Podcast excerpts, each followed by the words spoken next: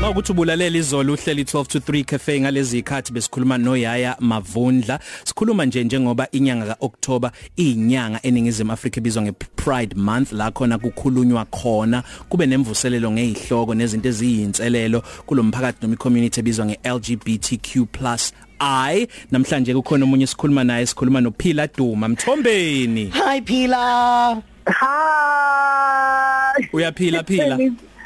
Ngikhona ninjani ma eh. siyaphila Hayi akubaga kusibiza ngoma eh wena oh. ema wephila no Sel Beyonce uSel Beyonce konteke ayisho wathi uguzile ngathi mina yini leyo waphendula wathini wena Ngathi uhambile. okusho ukuthi ulimo liqhamuka kuphilolo Um bathi le LGBTQI+ kodwa mangabe sikuhlangene wonke umuntu ukhuluma kanjalo singakhuluma siqede. wephila Ingazonke wonke umuntu angakhuluma kanjani. wephila uyalazi lelo limi nawe Cha nami ngiyalive ngicela kanjani Sacela ngaphandle. nikhulume nje u30 seconds bantu self nophila ngiyacela ngicela nikhulumeni Go bafethu. Phila. Sophie mina abithi so wena indaba wena ufike namagama Oh, ngithi ya. eh ima imake kodwa singanqhumi kakhulu ngoba bazovesane becoshela ontukela oh. Yebo asiba no asibashiye kanje. Eh. awuphila ushongo lutho. Qhubeka. It's fine ngicela siqhubeke. ngicela ifeature ngicela ifeature yokukhuluma kanjeni thozami ngiyayicela. Kulungile okwakusasa ke lokho ke kuyisnoop phila! Sixoxa nawe namhlanje ungumbhali wencwadi aphinde futhi abe umshuthi umthwebuli kuningi futhi okunya kwenzilo isibonelo ngempilo yakhe kanti futhi naye ukhuluma zona izinto lezi ezithinta iLGBTQ community. Okunye phenge ngakubona la ngophila okungiphathe kabuhlungu ngakho bengakwazi ngaye ukuthi eh, ngikhathi ukuthi sakhula ah, angiboni ukuthi kwabalula kakhulu ngoba yena eyona LGBTQI community and waphinde futhi u- uthisha esikoleni wamthinta thinta ngendlela engekho right. Awusitshele ngalokho phela Okay so um that part of my life it happened in grade 5. lalela sise sise sise sise cousin FM hayi ahashame Okay. eh.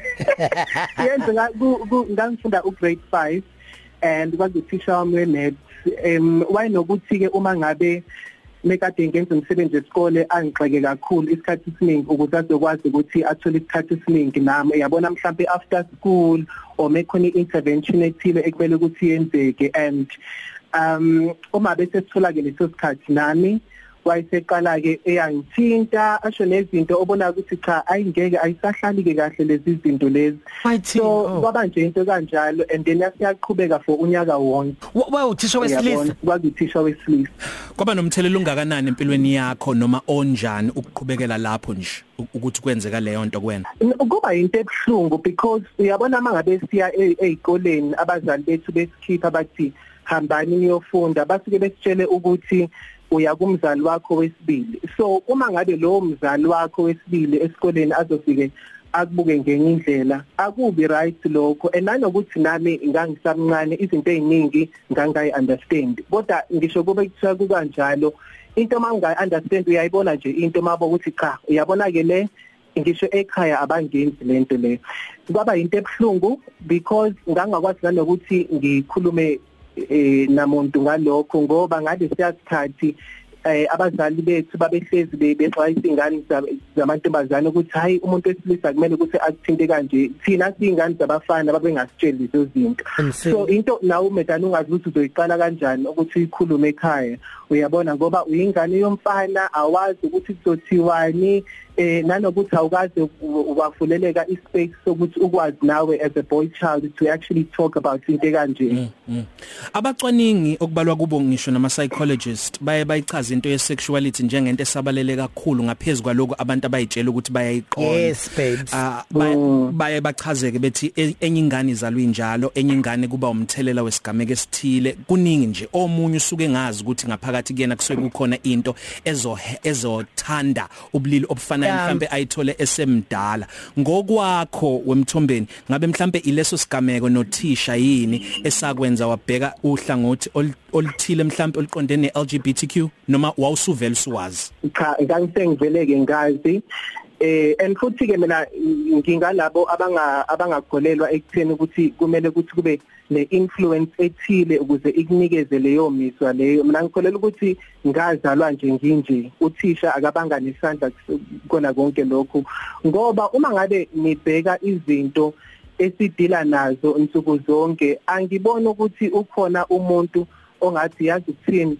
Eh awuthi mina medani ngiphile lempilo looking at the bullying that you deal with every day looking at eh wonke lama stereotypes nama stigma which are attached to wena uyavuka zonke izinsuku kumele ukuthi udile nento ethile abantu bazokuthuka ay a mina nje angifuna ukuqamba manga akubanga uthisha Mhm. ngangihlezi ngikanje and ngizoyiphilela nje futhi nginje.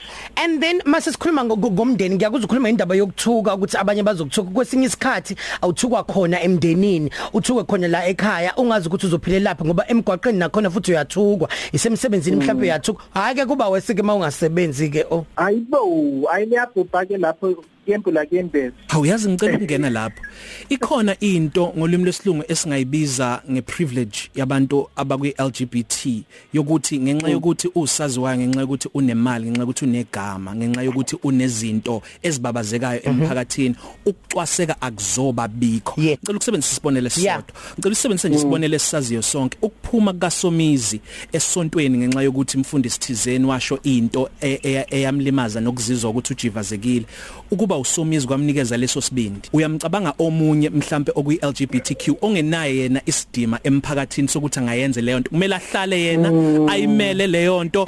Ikhona into enjalo Yes. eyi privilege thizeni ekhona kubantu be LGBT uthi lo angakwenza angeke azakwenze lo oyihlalele emadundube Yeah. okungasebenzi okuphilwa ngemali kempesheni kagogo kuyena. Uyabona ke uma ngabe kufika kwisimo esikanjalo mina ngingathanda ukuthi ngithi eh, wonke umuntu uyakwazi ukuthi a- ayimele ali nje asho ukuthi yazi ukuthini lento ekanje manje sengi uncomfortable it does not work for me. Ngicela nje ukuthi ngiphume ngihlukane naye. Mm. konke kusukela ekuthenini ukuthi wena upowerful kangakanani and usuyi-accepte kangakanani.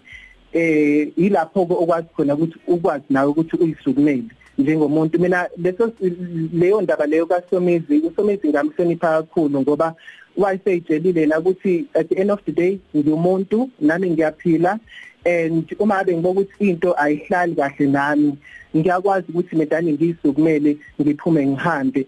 Kodwa kuqala ekuthenini ukuthi wena uqale uzamkele ukuze nawe uzo- uzokwazi ukuthi ubone ukuthi what is it that you deserve and ile ndlela le ekumele ukuthi uphathe ngayo. A- a- a- akuhlangene nemali akuhlangene nokuthi ubusaziwayo kusuka nje kuwena ngaphakathi. Mm, mm. Ake sikhulume ke ngencwadi yakho ngoba eh, awu- awuyona kuphela intatheli nomthwebuli eh, ozitholele indondo futhi wenza kahle kakhulu kuleyo mkhakha. Usuphinde wabhala incwadi. Incwadi yakho ngabe yakhuluma ngezinye za- zalezi zinto? Iziphe ezinye futhi mhlambe ikhona Okay incwadi yami ikhuluma ngento eziningi iyakhuluma nge nge i- i-harassment lekathisha iku chapter 3 na ke leyo part. Ebese ke iyakhuluma nje ngama challenges eh, esiba nawo as abantu who are in the community. Of LGBTQI emesikhuluma futhi ngamandla abantu besifazane and kwangibe kubalekile ukuthi ngibhaleke le chapter le eh elizwa um ngokuthi it is the essence of women. Ikhuluma abantu besifazane because uma besibheka even u- u- ukubulawa kwabantu besifazane nezingane nalento ehlezi ishiwa ama stereotypes ekutheni ekuthiwa abantu besifazane abakwazi ukusupportana abantu besifazane abakwazi ukuthi basebenze ndawonye alipheli nje alishoni nje ilanga kungabanga khona uxabana phakathi kwabo. Mina i come from a family of abantu nje besifazane. I was raised by strong women. So bengifuna nje ukuthi ke ngishintshe naleyo narrative nje ngabantu besifazane because abantu besifazane they are given a bad name hlezi khuluma into ezimbi ngabo. And nanokuthi nabo ngiba encourage ukuthi ama relationships kanje phakathi kwabantu besifazane are possible ukuthi nisebenze and work towards the same goal. Mm. nonke ukuthi nikwazi ukuthi nifikisane phezulu. Ikhuluma nje ngeencwadi eziningi ah, le ncwadi ebese iyakhuluma futhi about dating. In in in in the LGBTQI community Ooh. hey leyo ke isipimi ke okay so sithola kuphi le ncwadi leyo babes okay nizoyithola lapha eAdams Bookshop lapha kuwe street la eThekwini all right Sibonga kakhulu umthombeni ukukhuluma nawe ukhuluma kahle icacile into yakho sengilungiselela ukufunda incwadi ngiyabonga Social kakhulu. media? social media at PZ Duma ku Instagram u P W E Z Y D U M A eh ku Facebook uphila PZ Duma na ku Twitter at PZ Duma bye. Kukanjalo. Bye Phila. We love you. Happy thursday. Mm -hmm. Mwah, Bye-bye. bye. I love you.